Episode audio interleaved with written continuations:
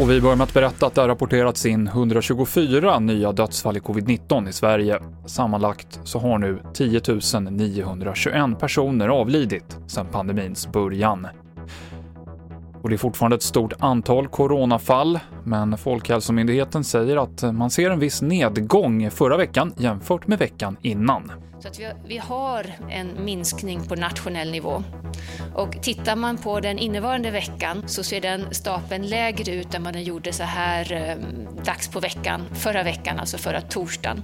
Så trenden ser ut att hålla i sig att vi har en minskning av antalet fall. Det sa Karin Tegmark Wisell på Folkhälsomyndigheten. Mer från dagens presskonferens på tv4.se och i senare sändningar. Och en bil har hittats på botten av en sjö utanför Vänersborg efter larm på förmiddagen om att den kört genom isen.